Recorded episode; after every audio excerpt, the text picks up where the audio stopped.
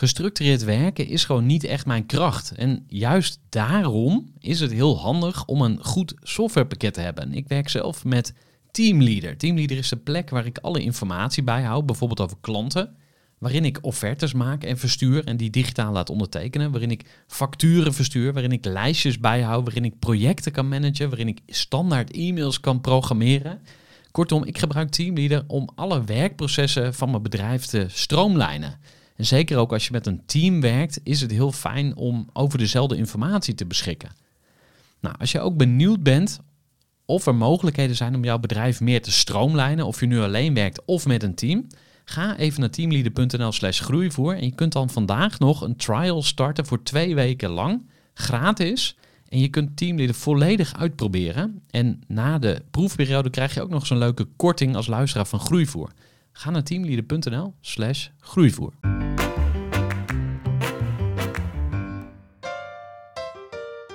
Hey, wat leuk dat je weer luistert naar de Groeivoer podcast voor ondernemers. Mijn naam is Gerard de Velde en in de Groeivoer podcast voor ondernemers kun je luisteren naar interessante gesprekken met ondernemers en andere experts op het gebied van bedrijfsgroei en persoonlijke groei. In deze aflevering van de Groeivoer podcast ga ik in gesprek met Dirk Roos en Jonathan Stolk. En ze hebben allebei een uh, bedrijf. Dirk Roos is oprichter-eigenaar van Mendix, een uh, low-code platform om apps mee te bouwen. En Jonathan Stolk is eigenaar van het bedrijf Captions, ook een appbouwer. Dirk heeft zijn bedrijf een paar jaar geleden verkocht voor 628 miljoen. Ja, je hoort het goed. Aan Siemens. En Jonathan heeft zijn bedrijf eh, niet verkocht, of nog niet verkocht, maar is ook eh, hard aan het groeien. En uh, ja, beide heren kennen elkaar al wat langer. Ze kennen elkaar natuurlijk uh, onder andere uit de appbouwerij, om het maar even zo te noemen. En vandaar ook dat ik uh, via Jonathan in contact, in contact kwam met Dirk. En ja, zo ontstond eigenlijk deze interviewafspraak. Ik ging naar Rotterdam, naar het kantoor van Mendix. Zitten in, over de hele wereld.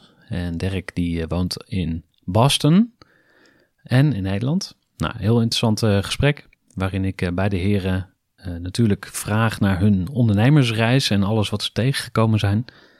Um, Waar gaat het gesprek over? Ja, we hebben het natuurlijk over hoe de heren hun bedrijven opgericht hebben en hoe ze gekomen zijn waar ze nu staan. We hebben het ook over Rotterdam als ondernemersstad en als broeiplaats voor ambitie.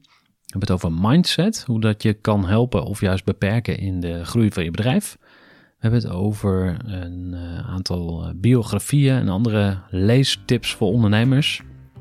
En tot slot uh, delen beide heren natuurlijk ook hun beste tips en inzichten voor andere ondernemers. Dus een mooie aflevering met veel content, veel inhoud. Ik wens je heel veel luisterplezier met dit interview met Derek Roos en Jonathan Stolk van respectievelijk Mendix en het bedrijf Captions. Beste ja. mensen, we gaan van start. En we zijn hier in Rotterdam. En vanochtend uh, deed ik een post op LinkedIn en toen zei ik: Wat is dat toch met die Rotterdamse ondernemers? Uh, ze verkopen een bedrijf voor 628 miljoen. Uh, ze maken de wereld papierloos. En in het eerste geval heb ik het over jou, Dirk Roos van Mendix. En in het tweede geval heb ik het over jou, Jonathan Stolk van Captions. Ja, ik ben hier te gast met de Podcast. En toch heet ik jullie welkom in mijn show, de Groeivoer Podcast. Dank je. Ehm, ja, tof dat jullie er zijn. Dus ja, laten we gewoon even beginnen met, met een voorstelrondje. Dirk, zou jij willen aftrappen? Ja, uh, allereerst dank voor de uitnodiging en welkom in Rotterdam. Um, wij, ik ben Dirk Roos, ik ben oprichter en CEO van Mendix. en ben hier begonnen ooit in Rotterdam en woon inmiddels in Boston, maar veelal weer terug hier, omdat een groot deel van ons, ons bedrijf hier zit. Ja, Cool. En je bent ook vader, heb ik gelezen? Ja, drie dochtertjes. Drie? Ja. Aha. Amerika geboren en getogen. Dus zijn nog kleiner, maar... Uh, Dan worden ze twee Wat zijn ze? Ze zijn 7, 4 en 1. 7, 4 en 1. Ja. Wauw. Wow. Ja, ja dus, dan zit je er middenin. Ja. Daar uh, kan ik mijn dagen ook mee vullen. En dat, dus uh, nee, goede, goede, vrolijke hectiek. Een geze gezegend man. Zeker. Hoe, hoe, uh, hoe is dat voor jou, Jan, dan? Ja, voor mij geldt ja, thuis in eigen stad. Ehm, ik ben ondernemer ook in, in Rotterdam. Ja. Um, dankjewel voor de uitnodiging, Gerard, in deze podcast. Ik heb er al twee geluisterd. Erg leuk wat je doet. Thanks. En dankjewel voor de uitnodiging, Dirk, in jouw kantoor. Erg gaaf om te zien waar je nu zit. Ehm, ja, twee kantoren eerder uh, meegemaakt en nu deze. Ja, dat is een mooie, mooie ramp-up. Um, ik woon nog in Delft, maar mm onderneem dus in Rotterdam. Um, met captions. Ja. Hoeveel dochters heb jij? Ik heb er twee. En een zoon. 13. 13. Pepijn is 13 en uh, Amelie is uh, 10. Ja. En uh, de jongste, Daantje, is 5. Ja. En jij hebt een van de allerbeste stemmen die ik ooit gehoord heb voor een podcast. Really? een van de redenen om jou uit te nodigen. Um, maar laten we eens naar Captions gaan. Wat, uh, wat voor bedrijf is dat? Uh, Captions is een bedrijf dat uh, bedrijven helpt om hun managementsystemen te digitaliseren. En wij richten ons specifiek op EHS managers, Environment, Health and Safety managers. Maar in toenemende mate ook ja, in de periferie daaromheen andere managementsystemen rondom facility, ja. rondom kwaliteit, rondom ja, uh, eigenlijk de, de secundaire zaken rondom je operatie, je primaire proces. Ja. Hoe is dat zo gelopen? Weet je op een ochtend wakker en dacht je, ja, ik ga EHS managers bedienen? Ja, hoe is dat zo gelopen? Um, of dacht je, ik, ik, ik word ondernemer, ik, ik stap uit mijn bed, ik fiets naar de Kamer van Komen. Hoe, hoe, of ben je er meer wat ingerold of zo? Hoe, hoe is jouw reis van... Uh... Nou, ik ben gaan ondernemen uh, na mijn job bij het bedrijf waar ik Dirk voor het eerst ontmoette, bij Backbase in Amsterdam. Ik uh, ja, was daar een van de ja, eerste in het team, nummer 7 destijds. Uh, nou, er was in eerste instantie sprake van uh, participeren in de winkel, om daar samen aan mee te bouwen. In tweede instantie niet. Toen dacht ik, nou, mijn ambitie is toch echt wel ondernemen. Dus ik ben voor mezelf gegaan. Aha. En dat was eigenlijk mijn ondernemerschapsmoment. Ja, duidelijk. 2016. Ja, hoe, hoe was dat voor jou, Dirk? Wist jij altijd al dat je een bedrijf wilde gaan starten? Of hoe, uh, hoe ging dat bij jou? Ehm, nou, misschien niet bewust, wel onbewust. En wat ik daarmee bedoel is dat, dat ik eigenlijk tijdens mijn studie... en eigenlijk daarvoor al tijdens mijn middelbare school... altijd wel wat handeltjes en ventures had. Waar heb je in gehandeld? Ja, ik heb... Illegaal vuurwerk. Ja, zoiets. En ja, verschillende dingen. En tweedehands dingen. Dus ik vond het altijd wel leuk om, om, om bezig te zijn, commercieel bezig te zijn. Niet om daar nou uh, enorme bedrijven mee te bouwen. Maar dat ging eigenlijk heel natuurlijk. En uh, ik ben in Rotterdam bedrijfskunde gaan studeren. Niet met het doel om een eigen bedrijf te beginnen, maar eigenlijk omdat ik het ook niet wist. Ik, if anything, wilde ik muzikant worden, uh, rock, rockster. Um, dat was eigenlijk mijn echte passie. En tijdens mijn studie um, bij een bedrijfje gaan werken als, als een van de eerste werknemers. Meer als bijbaan. was een maatwerk, software, ontwikkelclub hier in Rotterdam. En dat was eigenlijk mijn eerste kennismaking met technologie en applicatieontwikkeling. En eigenlijk een bedrijf van binnenuit. En um, daar kwamen we op het idee uh, voor wat vandaag Mendix is. Ik ontmoette daar mijn mede-oprichter. Die zat daar op de administratieafdeling. En uh, wat we daar deden was eigenlijk op de traditionele manier websites en webshops en applicaties bouwen. En ja, ik verbaas me enorm over de manier waarop dat ging. En uh, in de mate van hoe lang het duurt en hoe complex het is en hoe ver het proces van applicaties bouwen afstaat van de eindgebruiker. En mm. daar zo'n enorme communicatiekloof tussen zit.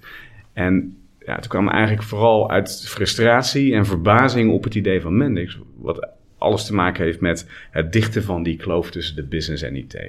We kwamen op het idee om eigenlijk eh, oplossingen te bouwen waarmee we veel sneller applicaties konden bouwen.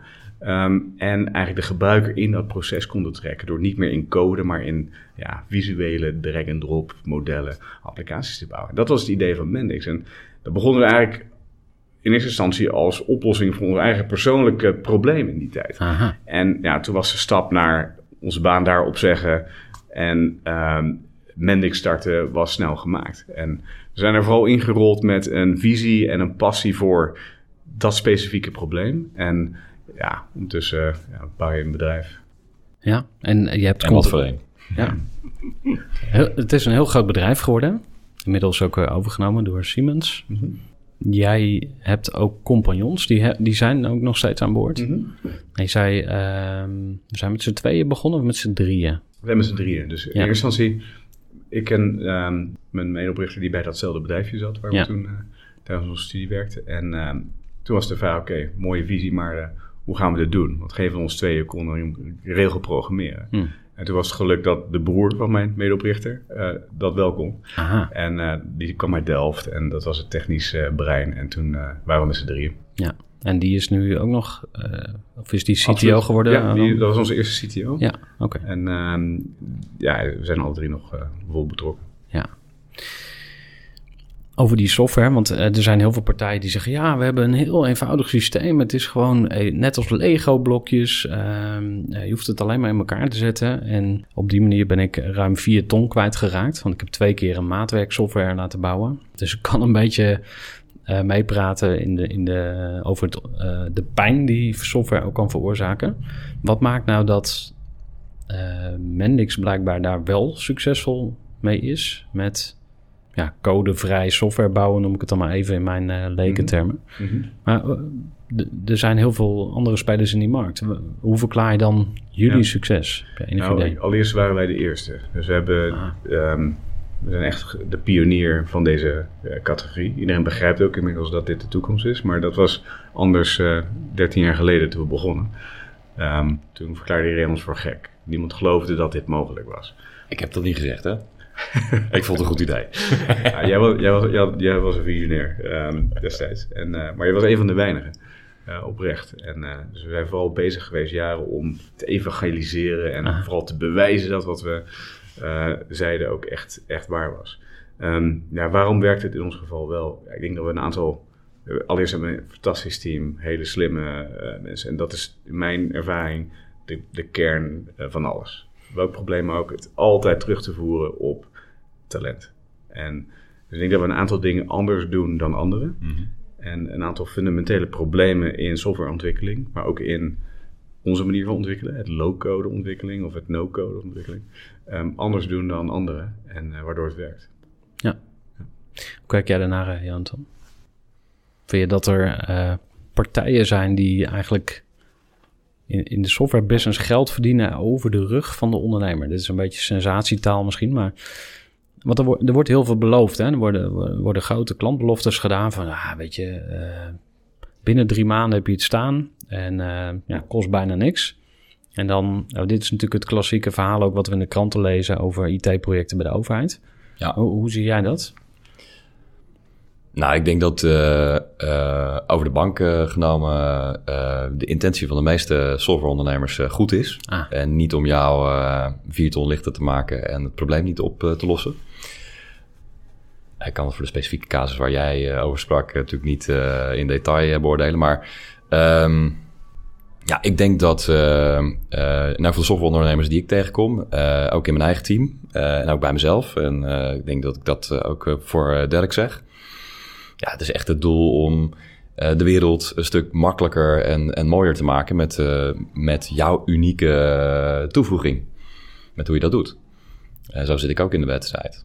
wij willen echt heel graag de kloof dichten tussen ja, het, het, het, dashboard wat je in de boardroom ziet ten aanzien van je compliance staat of je, ja, welke KPI's je dan ook vanuit je management systeem hebt. en de werkvloer. de mensen die daadwerkelijk in de frontlinie staan en de informatie, de data moeten uh, aanleveren om die dashboards te vullen. Ja. Dat is de kloof die wij uh, dichten en dat doen wij weer op onze unieke manier. En ja, uh, ja ook wel geïnspireerd denk ik door wat we van Mendix gezien hebben. Doen we dat ook voor een deel op ja, maximale usability, maximale user-friendliness, zo min mogelijk code. Ja. Dus in die zin ja, noemen we onszelf af en toe ook wel een uh, low-code uh, management systeem ja. builder. Ja, doet me denken aan, um, ik geloof dat FedEx uh, ook, ook een bedrijf is wat eigenlijk een begrip geworden is. En wat als je een pakketje wil versturen, dan, dan FedEx zit. Of het is die andere, maar een van beide. Hè? Dus een, een bedrijfsnaam wordt eigenlijk een categorienaam. Ja. Is dat wat er met Mendix gebeurd is volgens jou, denk je?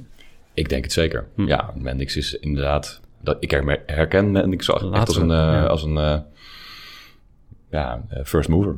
Ja. Dat idee, dat had ik nog niet eerder gezien. Uh, en ik werkte toen bij een softwarebedrijf en daar was het echt gewoon, ja, nitty gritty. Daar ging het echt over de code. Echt heel veel details, heel veel ja, dat was op zich ook al wel pionieren met JavaScript destijds. Ik weet niet of je dat nog herinnert, mm Dirk, maar ja, dat was, maar dat was heel veel echt met codekloppers het werk doen. Ja. En dat doen jullie natuurlijk uiteindelijk ook wel achter de, de visual builders die je nu hebt. Ja. Hoe herken je een codeklopper, Dirk? Nou ja, ik, ik weet niet of je ze herkent. is geen open vraag. nou, ik, ik, weet niet of je ze herkent, uh, buiten de stereotypes om. In mijn ervaring, de codekloppers zijn hele creatieve geesten. Ja. Dat zijn, uh, zijn artiesten die, die, die, die een zijn. Het is natuurlijk nogal wat om van niets iets te creëren. Daar moet je eh, creatief voor zijn maar ook een, uh, een craftsman. Je moet het leuk vinden om met punten en comma's en, en, en, pixels de hele dag bezig te zijn om een kunstwerk te creëren. Ja, definitely. Maar dat is ook deel van het probleem. Want je moet je voorstellen, eh, als je kijkt naar, je, hebt het zelf ervaren, je wil een software-applicatie laten bouwen. Nou, dan is de eerste vraag, oké, wat wil je hebben? Nou, dan is het dus aan jou als leek, hè, iemand die het probleem heeft, om precies uit te leggen aan een ander die jouw probleem niet begrijpt, ja. Uh, wat je zoekt. Het is vergelijkbaar met iemand met een architect vragen: hij bouwt mij een groot kantoorgebouw. Ja. En uh, dat die architect aan jou gaat vragen: ja, maar vertel me precies hoe groot elke kamer moet zijn, wat de vloerbedekking moet zijn, hoe je je, je pijpstructuur wil hebben. Je dat is allereerst geen eerlijke vraag, maar andersom. Um, ja, jij vraagt een maatwerkapplicatie. Dus er zit al iets fundamenteel verkeerd in, in um, het model. Ja.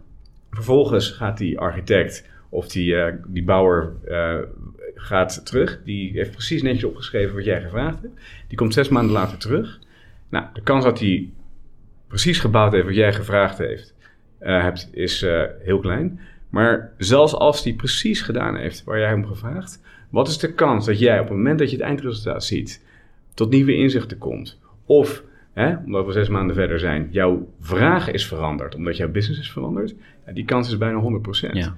Dus het is niet zozeer de vraag van wie is de schuldige. Er zit gewoon iets fundamenteel verkeerd in uh, de manier waarop uh, het proces werkt. En daar is bijna niet anders mee om te gaan dan die zes maanden terug te brengen naar misschien wel zes uur of misschien wel zes minuten. Drastisch. Zodat je direct real-time ziet waar je om vraagt. Zodat je in de spiegel kan kijken en zeggen: hey, ik vraag er wel om, maar ik bedoel eigenlijk iets anders. En dat is wat we oplossen. Ja. Um, nou, ik vind het eigenlijk mooi, eh, zoals ik je beluister, en um, correct me if I'm wrong, maar eigenlijk neem je het ook een klein beetje op voor de softwarebouwers, omdat je zegt van, ja, het is ook een onmogelijke taak eigenlijk, zeker als een klant zelf nog niet weet wat hij wil. Hoe moet jij dan weten? Het is een uh, onmogelijke taak. Kijk, nou, ik weet, of, of, kijk, we proberen de het probleem bij de kern op te lossen. En de kern is het, is het primair een communicatieprobleem. Hm. Software ontwikkelen, ja. ontwikkelen. Maar dat is heel iets anders dan we gaan iets wat um, we al doen een stukje sneller of een stukje efficiënter hm. maken. Dat is wat veel van veel andere partijen doen. Die zijn bezig om ontwikkelaars sneller te maken. Hm. Maar dat lost niet het communicatieprobleem op. Ja. En dat is waar wij verschillen en waarom wij, denk ik, uh, succesvol zijn. Ja. Um, maar het is een laag dieper nog eigenlijk, hè? Is een laag het communicatieprobleem uh, bij het pakken. Het is, een menselijk, het is een menselijk probleem. Ja, je kan zelfs nog een stapje verder gaan en zeggen... eigenlijk is de schuld van de salesafdeling.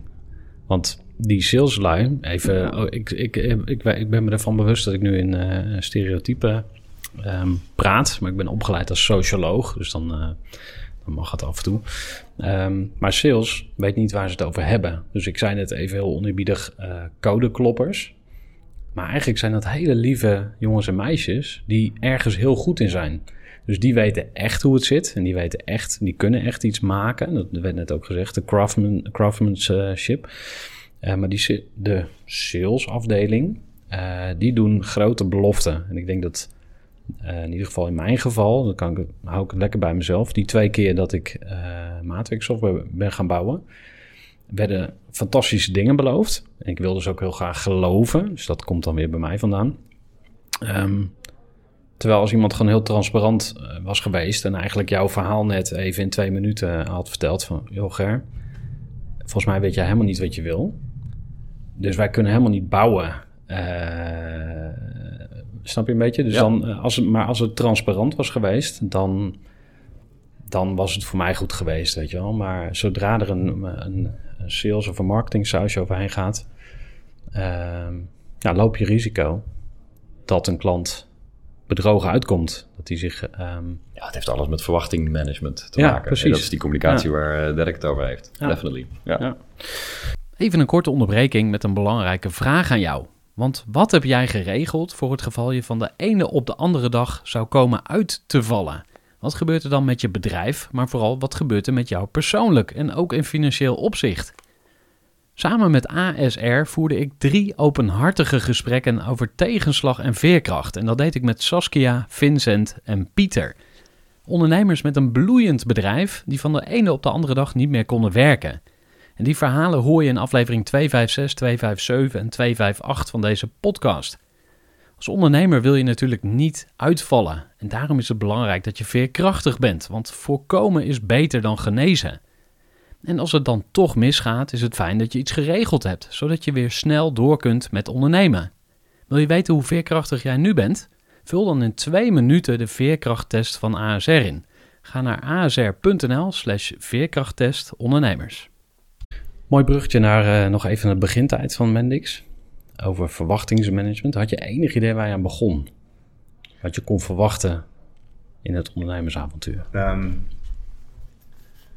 nou, we hadden er absoluut een visie bij. En um, we, ik, ik, herinner me nog goed de eerste meeting waar ik met mijn twee mede-oprichters, of oprichters to be destijds, uh, samenkwam. Hier in Rotterdam, in Café du Doc. Ik weet het nog, uh, goed. We kwamen bij elkaar en um, dat gesprek ging over hè, dat bedrijf wat we dan van plan waren op te richten. En ik weet nog goed dat we uren spraken, niet over de technologie of over hoe groot we gingen worden uh, of uh, hoe we het precies gingen doen.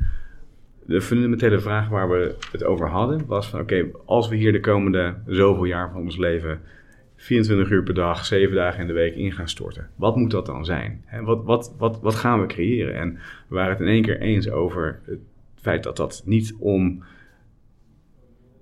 geld ging of iets anders. Het ging eigenlijk over het creëren van een, een, fantastisch bedrijf. Hè, wat in staat is om de beste mensen aan te trekken en die te ontwikkelen en beter te maken. En dat, dat bleek. En de, waarom? Eén, we geloofden toen heilig en nog steeds dat dat de sleutel is naar succes. Hè. Zorg dat je de beste mensen aan je bindt.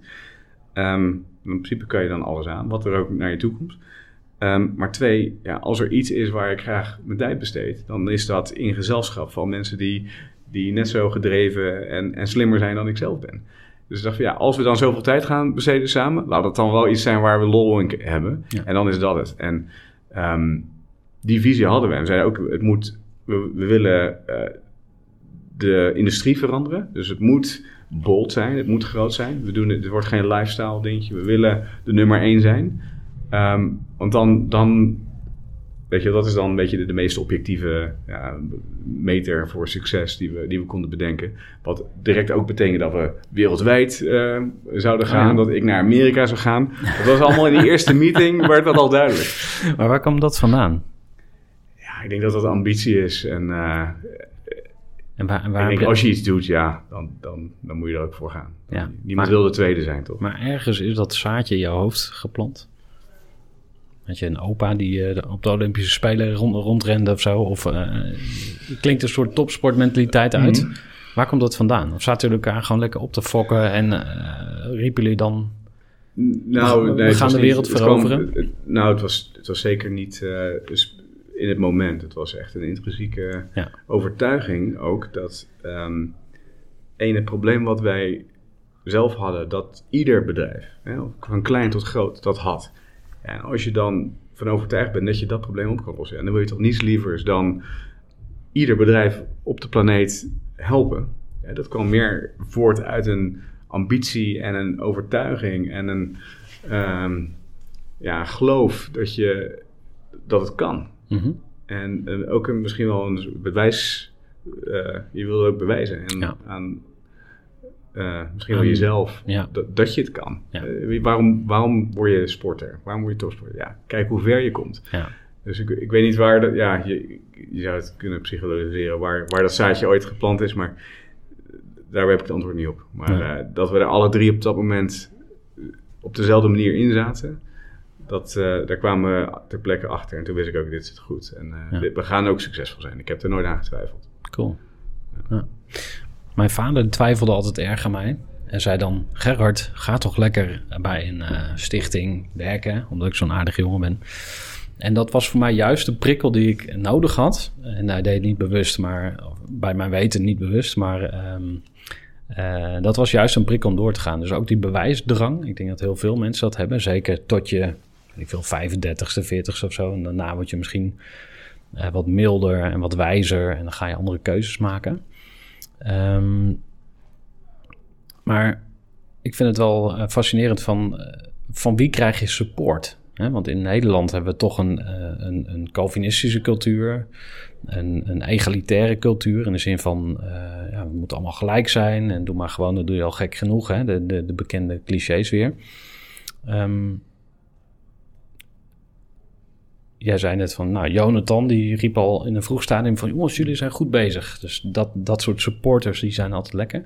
Zijn er meer mensen waar, aan waar jij je hebt kunnen optrekken? Of die jou als soort van mentor Ehm, een zetje in de goede richting hebben nou, niet, niet, iemand specifiek. Uh, het kwam altijd heel erg uit mezelf en uh, uit onszelf als, als team.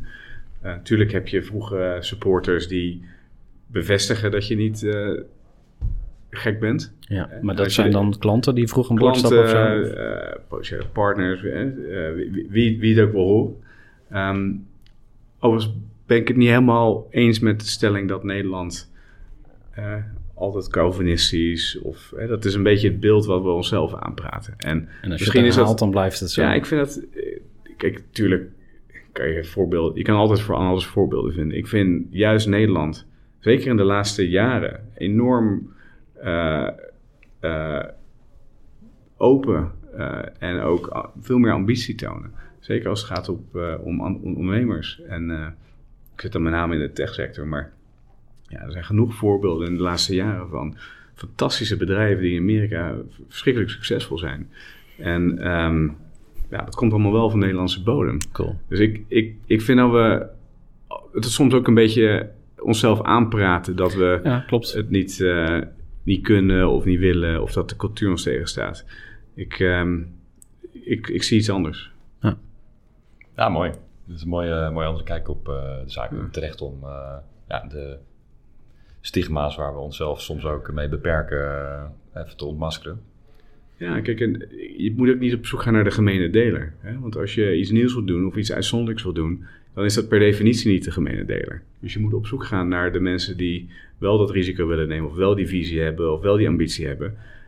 Maar ja, dat is altijd de minderheid. Ook in Amerika, wat altijd een beetje genoemd wordt als waar het altijd anders is. Dus nou, ook daar heb je, um, denk ik, mensen die wat conservatiever zijn uh, enzovoort. Wat daar anders is, is dat het natuurlijk veel groter is. Dus dat als je daar succesvol bent, ja, dat je in één keer ook nou ja, over de hele wereld uh, de nummer één wordt. Dus daar heb je wat schaalvoordelen. Maar ja. qua mindset ja, ik, ik zou, ik zou zeggen, kijk vooral naar de voorbeelden waar dat, waar dat wel succesvol is. En die zie je in Nederland relatief gezien misschien wel net zoveel. Ja. Waar komt dat van uit? Is dat een soort handelsgeest of zo? Of ja, een soort, ja. de VOC-mentaliteit. Ja, de Rotterdamse mentaliteit. Politiek incorrect. Maar, ja, ja nou, Rotterdam, je noemt het. Maar dat is natuurlijk een, een stad die al eh, zolang als het bestaat, eh, een ondernemersstad is. Ja. Ja, die moet je niet betichten van gebrek aan ambitie. Nee, ik wil je... persoonlijk. ja. en ik moet het, ja, Coolblue is natuurlijk een super bekend bedrijf in die zin. Voorbeeld, uh, Pieter Zwart, uh, ik verwacht hem ook nog een keer op de podcast. Kees de Jong, ik weet niet of je hem kent. ook een Rotterdamse ondernemer. Hij heeft Bloomers verkocht voor 11 miljoen. Ehm, ik heb hem gesproken in zijn villa in Blaricum. Heel gezellig. Um, dus vandaar ook mijn post op LinkedIn van wat is dat toch met die Rotterdammers? En dat is weer een stigma, want dat is mijn trademark. Maar jij zegt dus van ja, die haven, een soort open verbinding met de wereld of zo. Ja, ik dacht open zenuw, maar dat, dat is dan weer. Uh, maar heel gevoelig voor wat er in de, in de wereld uh, nodig is. Um, En dan, ja, je hebt hier natuurlijk ook Rotterdam Business School. Is dat nog belangrijk of heb je daar nog iets nou, aan gehad of zo? Nou, ik, ik zie het ook. Kijk, ik, ik zelf ben eh, op de Erasmus uh, gestudeerd, dus daar, daar ligt mijn basis. Overigens was ondernemerschap niet per se hetgene wat daar centraal stond. Maar dan praat ik over de, uh, Tien jaar geleden? De 90s. Oh, ehm, dat is inmiddels aan het veranderen. Um, als ik kijk waar wij nu onze mensen vandaan halen, dan is het primair uit van Rotterdam en uit Delft. Dus ik zie Delft en Rotterdam een beetje als een beetje dezelfde community. Allemaal jonge, ambitieuze, slimme mensen. En ja, die willen voor Mendix werken of soortgelijke bedrijven. Dus daar zie je absoluut een enorme ehm, ja, kern van, van, van talent en ambitie, waar we denk ik allemaal uh, um, ons voordeel mee, mee kunnen doen. Ja, Ik zie dat ook wel in Amsterdam, dat is iets anders, maar ja, Rotterdam, ja, het is wel gewoon een, uh, een stad en een cultuur waar het lekker kort op de bal uh, gespeeld wordt. en, uh, zeg dat, iets onaardigs over Amsterdam? Hm? Zou je iets onaardigs willen zeggen over Amsterdam? Ik vind Amsterdam een fantastische stad. Ach. Wordt niet heel hard gewerkt, maar... check, check, check. Kan het toch nog iets uit. Goed, ja. goed. Nou ja, goed voor de luisteraars. Uh, Jonathan, um, over het hoofdstukje mindset dus uh, betrap mezelf er wel eens op dat ik denk van ja, hm, misschien moet ik toch wat meer uh, internationaal gaan denken. Waarom heb ik eigenlijk een groeivoer podcast en niet een Engelstalige podcast? Um, Food for thought. Ja, ja klinkt ben ik over aan nadenken, weet je wel. Maar dan komen er weer allerlei praktische bezwaren uh, om de hoek kijken. Hoe zit het met jouw mindset? Heb je het gevoel dat jij op dat punt bent waar je zou willen zijn?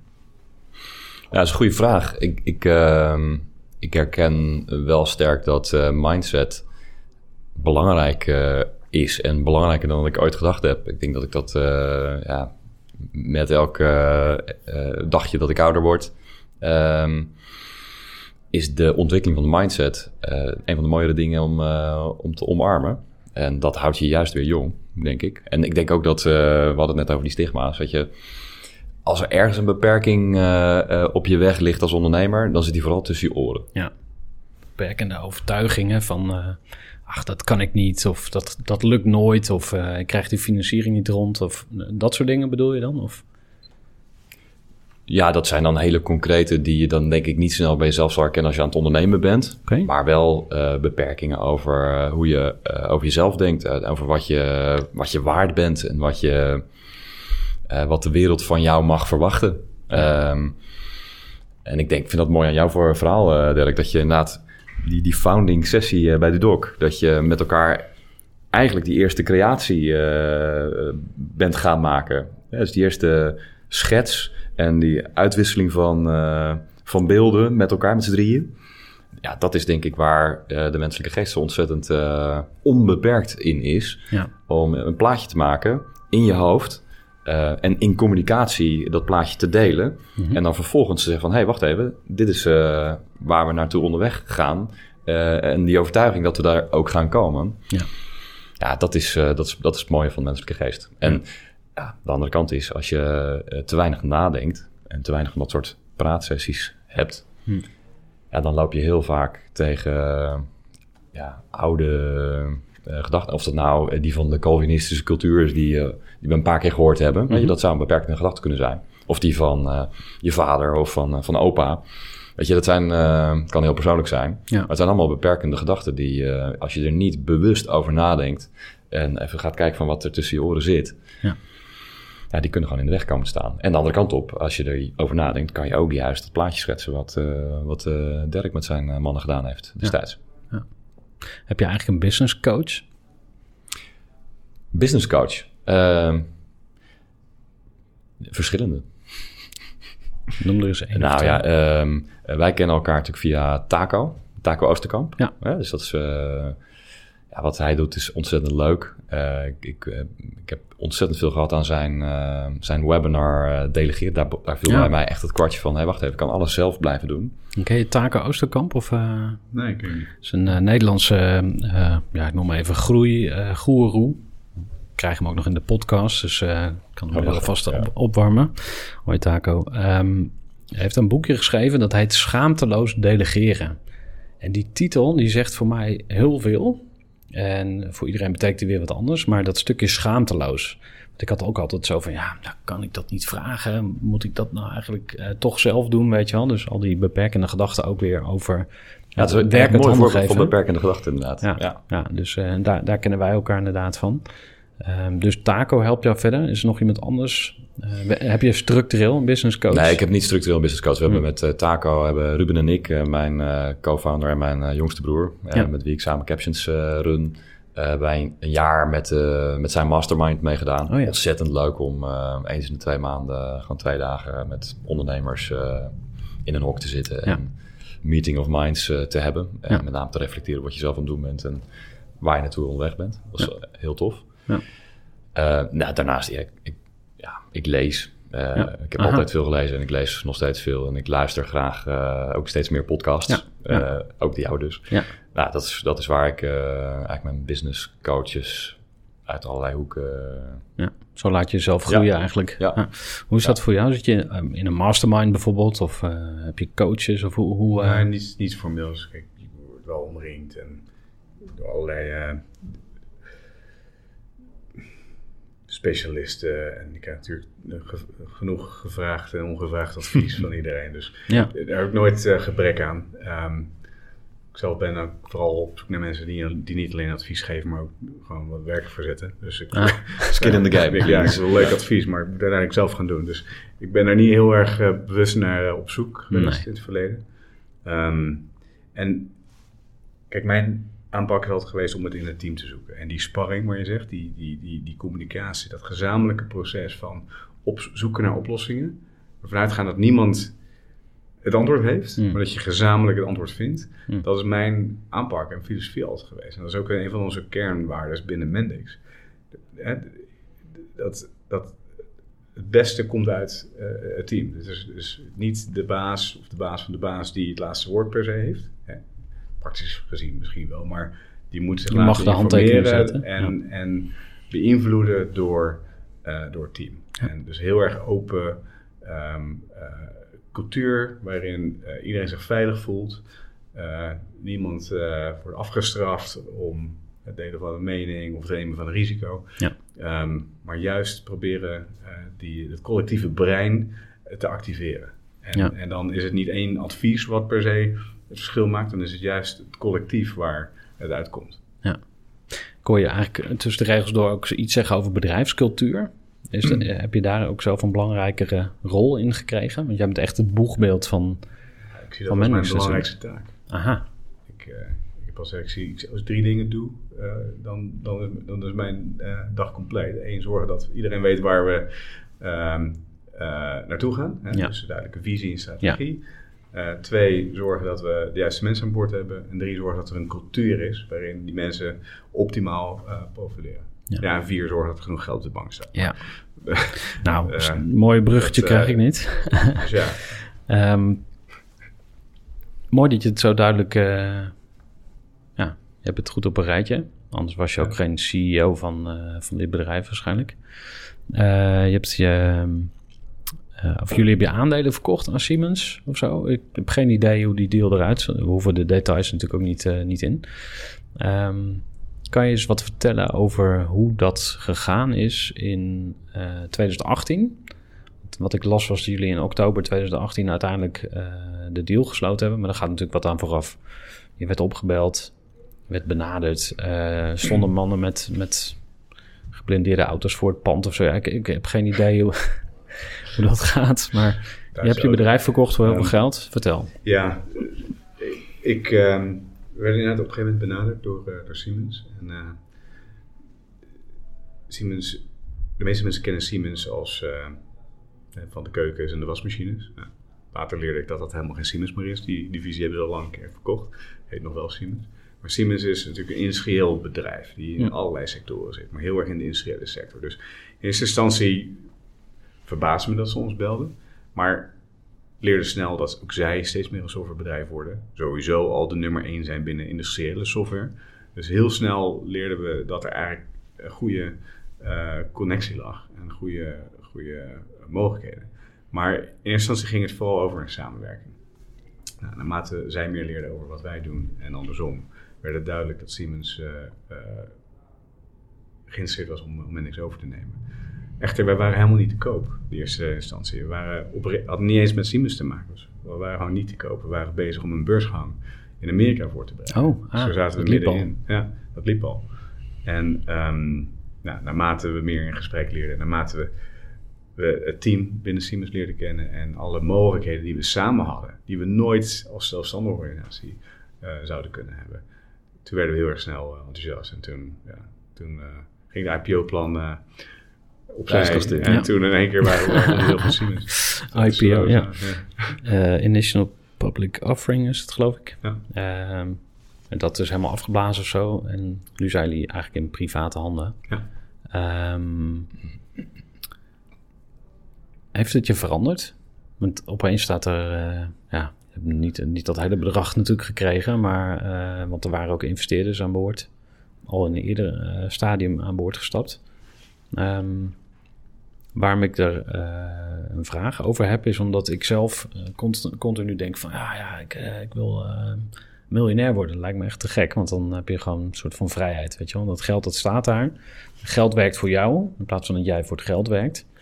Heb ik ook niet zelf bedacht, maar um, um, ineens is het er. En dan, weet je wel. Wil je er iets over kwijt? Ja, um, nou, de antwoord daarop is nee, ik ben niet, niet veranderd. Hm. Uh, totaal niet. En de reden is heel simpel.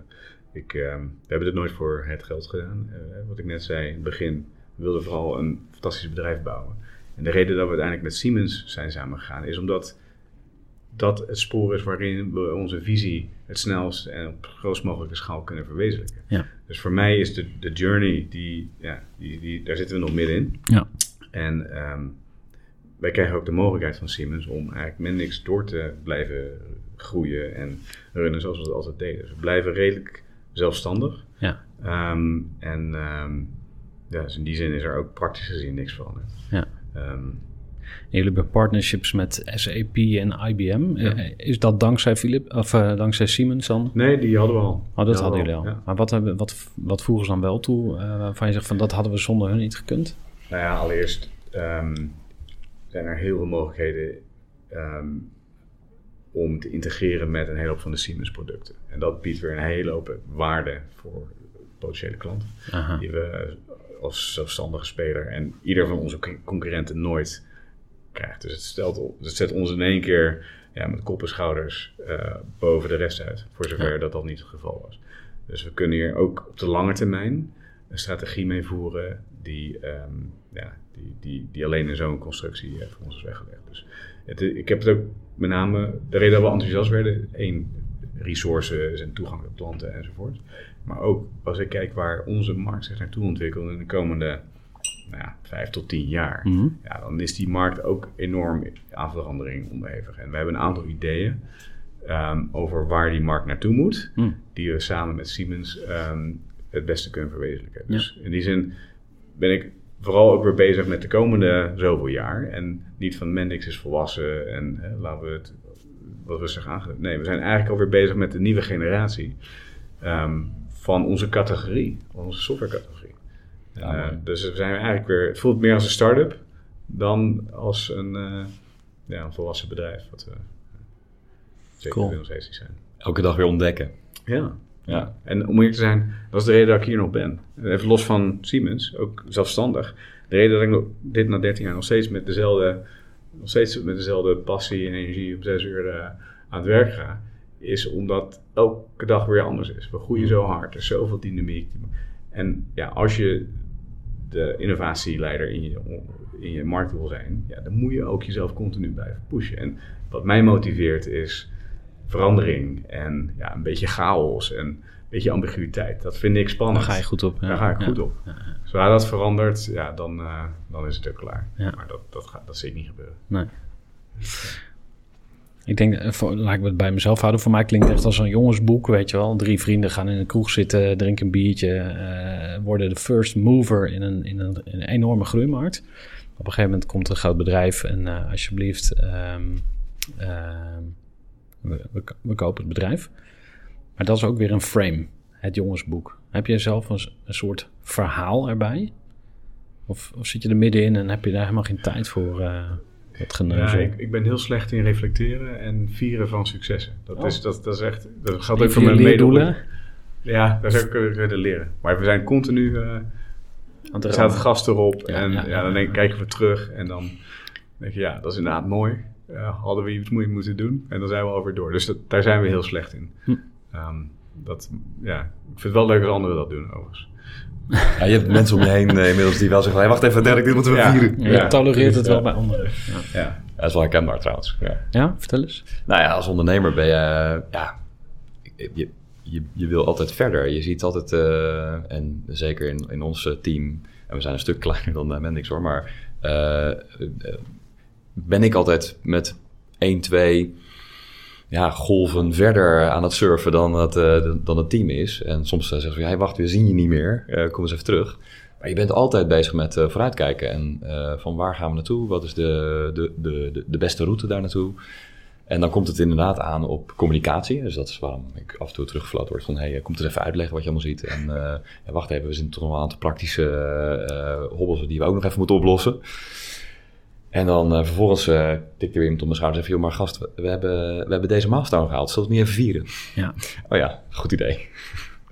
Ja, ik denk dat heel veel ondernemers dit herkennen. Het uh, altijd maar doorgaat. Um, het is ook een recept voor ongeluk. Als je altijd maar um, um, uh, vooruit streeft en niet geniet van het hier en nu, dan ben je eigenlijk altijd ongelukkig. Dan zeg je altijd van, pas als ik dat gehaald heb, dan is het goed. Ja. Dus hoe, hoe uh, kijk jij daarnaar? Nou, ik, ik heb voor mezelf, uh, ja, gewoon vanuit uh, de levenservaring, uh, een gewoonte ontwikkeld om, uh, als ik 's ochtends wakker word, echt even de tijd te nemen om wakker te worden. Voordat ik blootgesteld word aan de dynamiek van het gezin. Ja. als ik dat niet doe, dan ja, kan ik soms in een soort cloud aan tafel zitten. En dan ja, vraag ik me soms wel eens af, joh, wat, wat doe ik hier? Dus als, ik neem echt de tijd om wakker te worden. En een van de onderdelen in dat wakker worden is even bewust stilstaan bij uh, de dingen waar ik blij mee ben. Ja. Uh, dingen waar ik, uh, ik, pro ik, probeer echt even dankbaarheid te voelen. Ja. Heel simpel voor de plek waar ik sta, de mensen om me heen, thuis, de mensen in mijn team, de, de, dingen die ik aan het doen ben, de kansen Cool. die ik zie. En door dat te doen, zie ik ook eigenlijk elke keer weer kansen. Dus het, het, het werkt twee kanten op. Ja. Als je dat doet, Ja. wordt die, die, die storm van opportunities lijkt alleen maar toe te nemen. Maar tegelijkertijd helpt het ook alweer om even in het hier en nu, aarden. eh, te aarden. Ken je de film The Secret? Of het boek? Ik heb er wel eens dingetjes, stukjes van gezien, maar ik vond het moeilijk om naar te kijken. Ja, waarom? Ehm, weet ik niet. Ik vond, ja, vond, het, vond het wat ver weg Ja. klinken. Ja. Ken jij eh, het boek of de film? Gaat, het is een boek, eh, eigenlijk, eh, ehm, het is zo bekend omdat het... Het gaat heel erg over die mindset, hè? Precies, het, Ja. gaat, het is een gepopulariseerde versie van ehm, eh, de Law of Attraction. En de Law of Attraction die, gaat over energie, alles wat energie, ehm, of alles is energie. En wat je uitzendt, trek je aan. Dus als jij denkt, het is moeilijk, dan zegt de kosmos van, ja inderdaad, het is moeilijk, boom, alsjeblieft.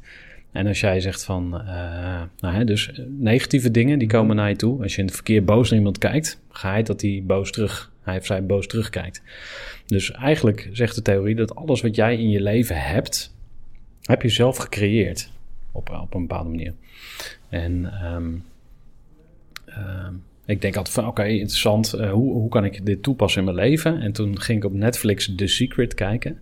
En ergens in het boek, of uh, er staat ook in het boek, maar ergens in, in de film ging het over een steen die je in je zak kan doen. Dus ik heb hem ook bij me. En iedere keer als je die steen vasthoudt of voelt, dan moet je iets bedenken waar je dankbaar voor bent. En dat is wel grappig, want ik heb altijd mijn telefoon in mijn zak. Dus die voel ik de hele tijd. En dat is voor mij verplichting. En ik moet van alles en ik moet nog, moet nog van alles doen. Maar die steen, ja. die is eigenlijk een soort reminder van... als een soort knoop in je zakdoek van... Ja, hey, cool. gast, je bent er al. Ja, dat is wel behoorlijk concreet, toch? Steen in je zak. Nou, uh, letterlijk bij, ja. ja. Dus. Um, um, ik hou mezelf dit ook de hele tijd voor. Want ik heb toch een neiging als ik naar andere ondernemers kijk. Weet je wel, ik was ook bij Kees de Jong en dan zit je daar in zijn villa en hij heeft zoveel gecashed. En ik ga daar altijd naar boven. Ik kijk vaak naar boven, weet je wel. En aan de ene kant heb je dat ook nodig om te groeien. Maar aan de andere kant mag je daar niet ongelukkig van worden, vind ik.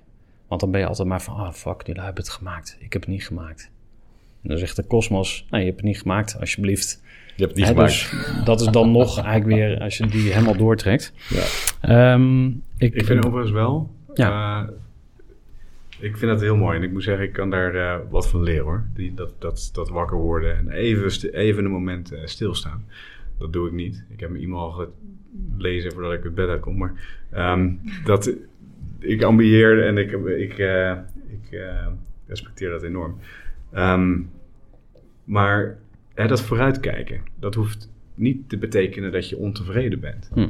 Ik, voor mij is het juist een enorme driver. Niet van, hé, hey, ik wil een doel bereiken en ik heb het nu niet en daarom ben ik ontevreden waar ik ben. Nee, het, het motiveert mij om ervoor te gaan en, en, en weet je wel, vol energie te kijken of, of het lukt. Dus het is voor mij een essentiële, uh, uh, essentieel ingrediënt om, om die energie te hebben. Hè? Want ehm, daar komt het vandaan. Creëren, bouwen van iets. Van niets iets maken.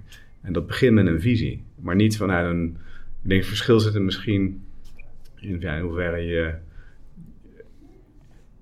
het niet halen van je doel uh, als iets, of het risico op het niet halen, als een bepaalde druk en, uh, iets negatiefs ervaart. Ik denk dat daar misschien uh, het verschil zit. Maar ik, ik denk juist vooruitkijken en dingen blijven willen. Hè? Niet in monetaire zin of materiële zin, maar gewoon iets creëren. Ja. ja. als ondernemer, dat is waar het om gaat. Ja, dat is super bevredigend. Ja. ja. ja. wat, ik, wat ik daar leuk aan vind is uh, dat Dudok-moment waar het helemaal begon. Dat heeft waarschijnlijk nog heel veel andere momenten uh, gekend en vandaag de dag nog steeds. Ik zie dat ook in ons team, dat we echt aan dat, dat dat proces ontstaat en dat we dat samen doen. En dat het heel tof is ook om samen ja, elke keer weer voor een stukje meer in te kleuren van wat, wat wil je? We hebben tegen elkaar gezegd, uh, we willen de werkplekken van de mobiele uh, professional wereldwijd uh, makkelijker, sneller en leuker maken. Je, dat is een, ja, we, we, zijn op heel veel plekken op de wereld, maar we zijn ook niet op alle werkplekken. Dus dat is een enorme ambitie die uitspreekt en waar je ja, echt ook elke dag weer een soort creatiekracht, een soort potentiaalverschil ja, het, het idee dat je nooit klaar bent. Op het moment dat je dat accepteert, ja. dan dat is het begin, denk ik. Op het moment dat je denkt, ja, ik ben iets klaar of we hebben verkocht en dus dat leidt tot een hele hoop complexity. Ja, ja, ik. Ik, ik, heb laatst die biografie gelezen van, uh, van uh, uh, Leonardo da Vinci. En fantastisch verhaal trouwens. ik, ik kan ik iedereen aanraden, maar um, wat ik niet realiseerde is dat hij in zijn hele leven maar iets van 15 schilderijen geschreven, gemaakt heeft. Of iets in die geest, heel weinig. 15 maar. Zoiets, ja. Hm. Mona Lisa en dat is natuurlijk bekende en nog een paar. Maar Wander maar heel veel, ja. Nou ja, ja. En als je dat leest, dan heel veel van die schilderijen, die heeft hij jaren, tientallen jaren met zich meegesleept. Die waren nooit af. En hij tekende, of hij schilderde ook helemaal niet om ze af te maken en ze te verkopen. Zo'n mooie schilderij, die wilde hij helemaal niet kwijt. Elke keer verhuisde hij weer, nam hij al zijn spullen weer mee en dan vijf jaar later pakte hij zijn kwast weer en tekende hij weer iets bij. Ja, dat, zo, zo moet je erin zitten. Het is hm. nooit af. En het moet, weet je, een continu creatief proces. Ja. Wat, wat geen werk is, maar gewoon onderdeel is van je, van je wezen. En ja, zo kijk ik ook een beetje tegen ondernemerschap. Dat is niet werk, dat is wie je bent. Ja. En daar ben je nooit mee klaar. Um, anders moet je afvragen of je wel de juiste, uh, met de juiste dingen bezig bent. Hm. Ja, mooi gezegd. Uh, thanks voor de boektip. Ja. Inderdaad, goede leestip. Um, zijn er nog meer boeken die je aan kan raden? Waarvan jij zegt van, ah, dat heeft me toch echt beïnvloed in positieve zin. Nou, wat jij net zei, Jonathan, over uh, waar je je inspiratie vandaan had. Bij mij is dat ook vooral een lezen. Ik, en met name biografieën. Het, uh, de meest uiteenlopende biografieën, niet alleen de, de zakelijke um, voorbeelden, maar zoals een Vinci of wie dan ook. Um, een mooi voorbeeld, wel meer in de zakelijke hoek, is um, boek van Ben Horowitz, de bekende Amerikaanse hmm. investeerder.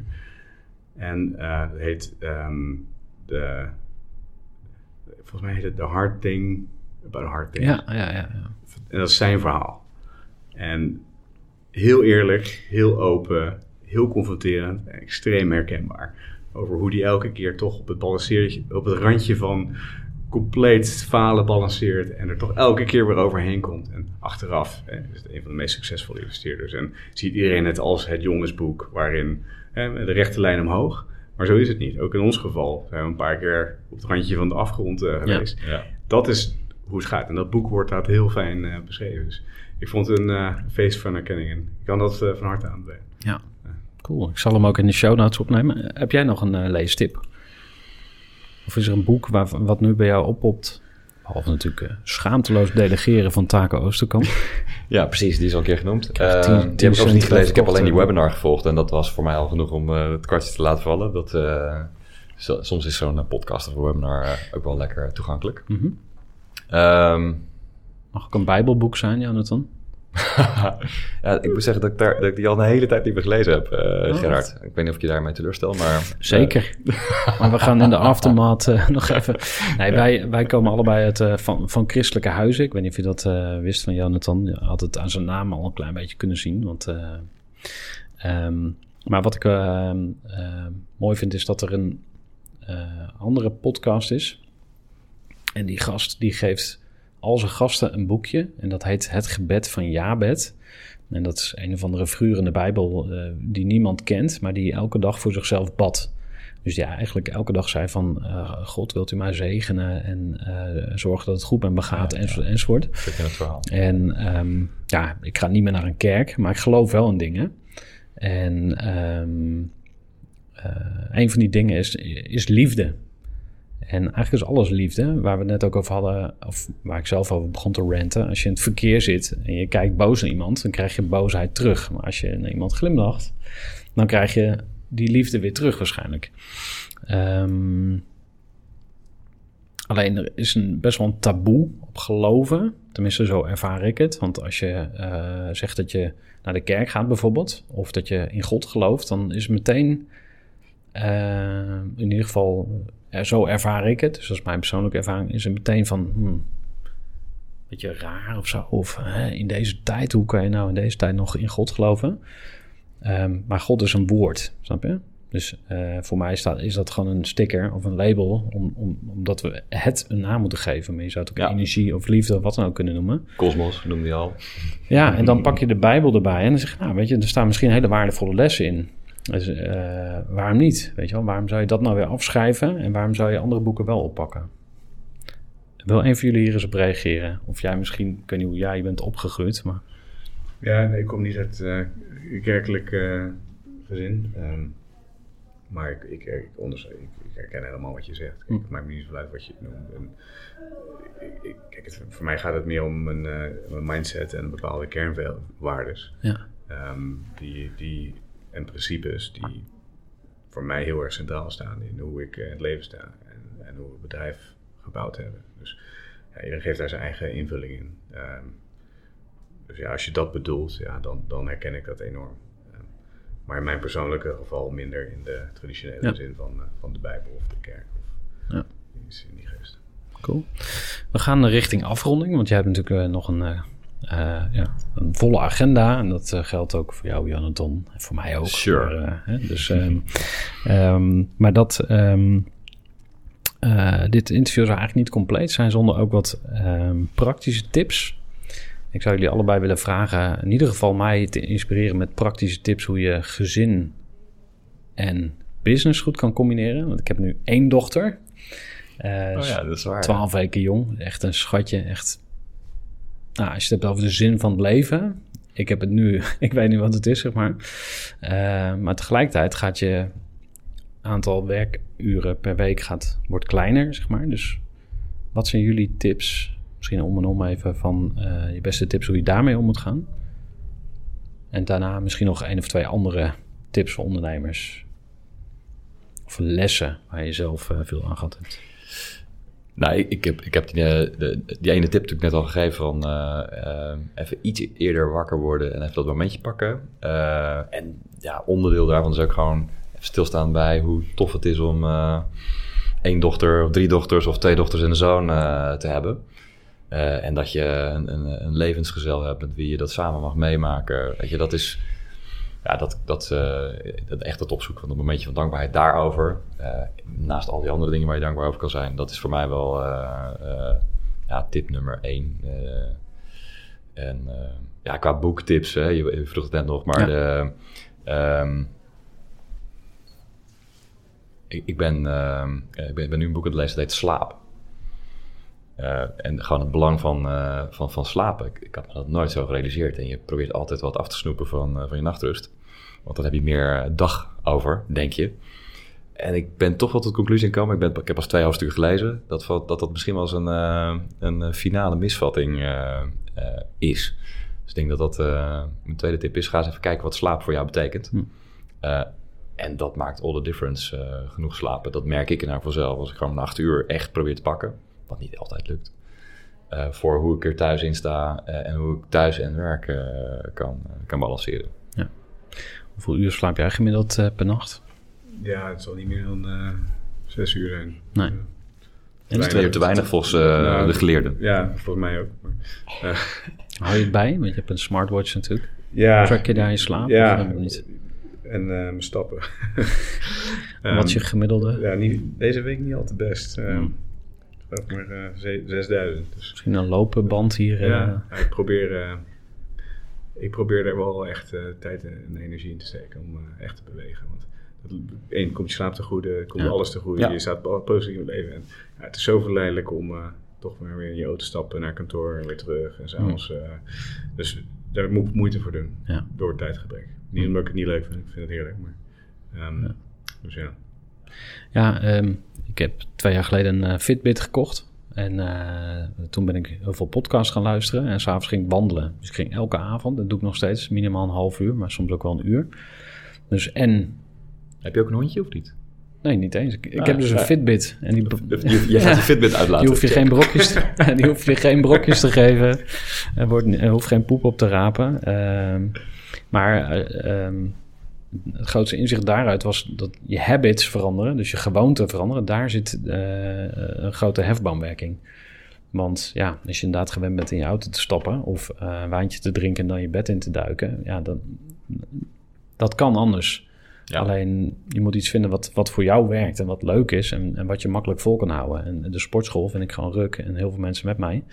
Nou, als dat voor jou niet werkt, ga je iets anders doen. Weet je wel, voor mij het vliegtuig spotten of boten tellen of weet ik veel. Iets wat in Rotterdam kan. Uh, goed, kan. Ja. Um, maar goed, nu um, terug naar jou. Heb jij nog life hacks of uh, goede ondernemerslessen die je zou willen delen? nou ja, mijn, ik denk dat voor mij begint het door niet te denken in termen van uh, work-life. Op het moment dat je dat lostrekt, creëer je automatisch het gevoel dat je aan beide kanten tekort schiet. Want je, kan, je steekt nooit genoeg tijd in je werk uh, en, of in je privéleven. Dat levert enorm veel stress op en uh, ontevredenheid. Dus eh, mijn, mijn aanpak is altijd geweest: laat die dingen naadloos in elkaar overlopen. Hè? Je hebt maar één leven en je werkt en je leeft en je hebt kinderen.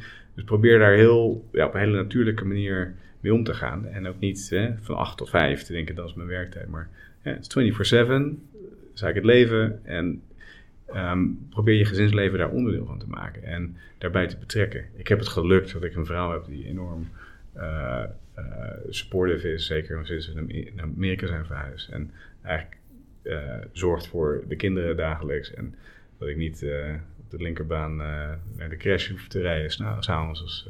Dus, daar ben ik gelukkig en dat heeft niet iedereen, dat weet ik. Maar um, los daarvan probeer ze erbij te trekken en andersom. Dus probeer daar, ik zou zeggen, een, een weg in te vinden. Door niet in hokjes te denken. Hm. Want dat, uh, ja, dan, dan, schiet je alleen maar tekort. Ja. Dat is mijn uh, aanpak en dat werkt goed.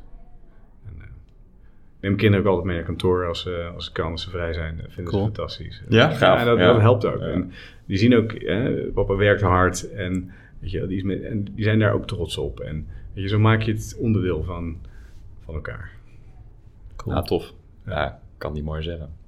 Mooi.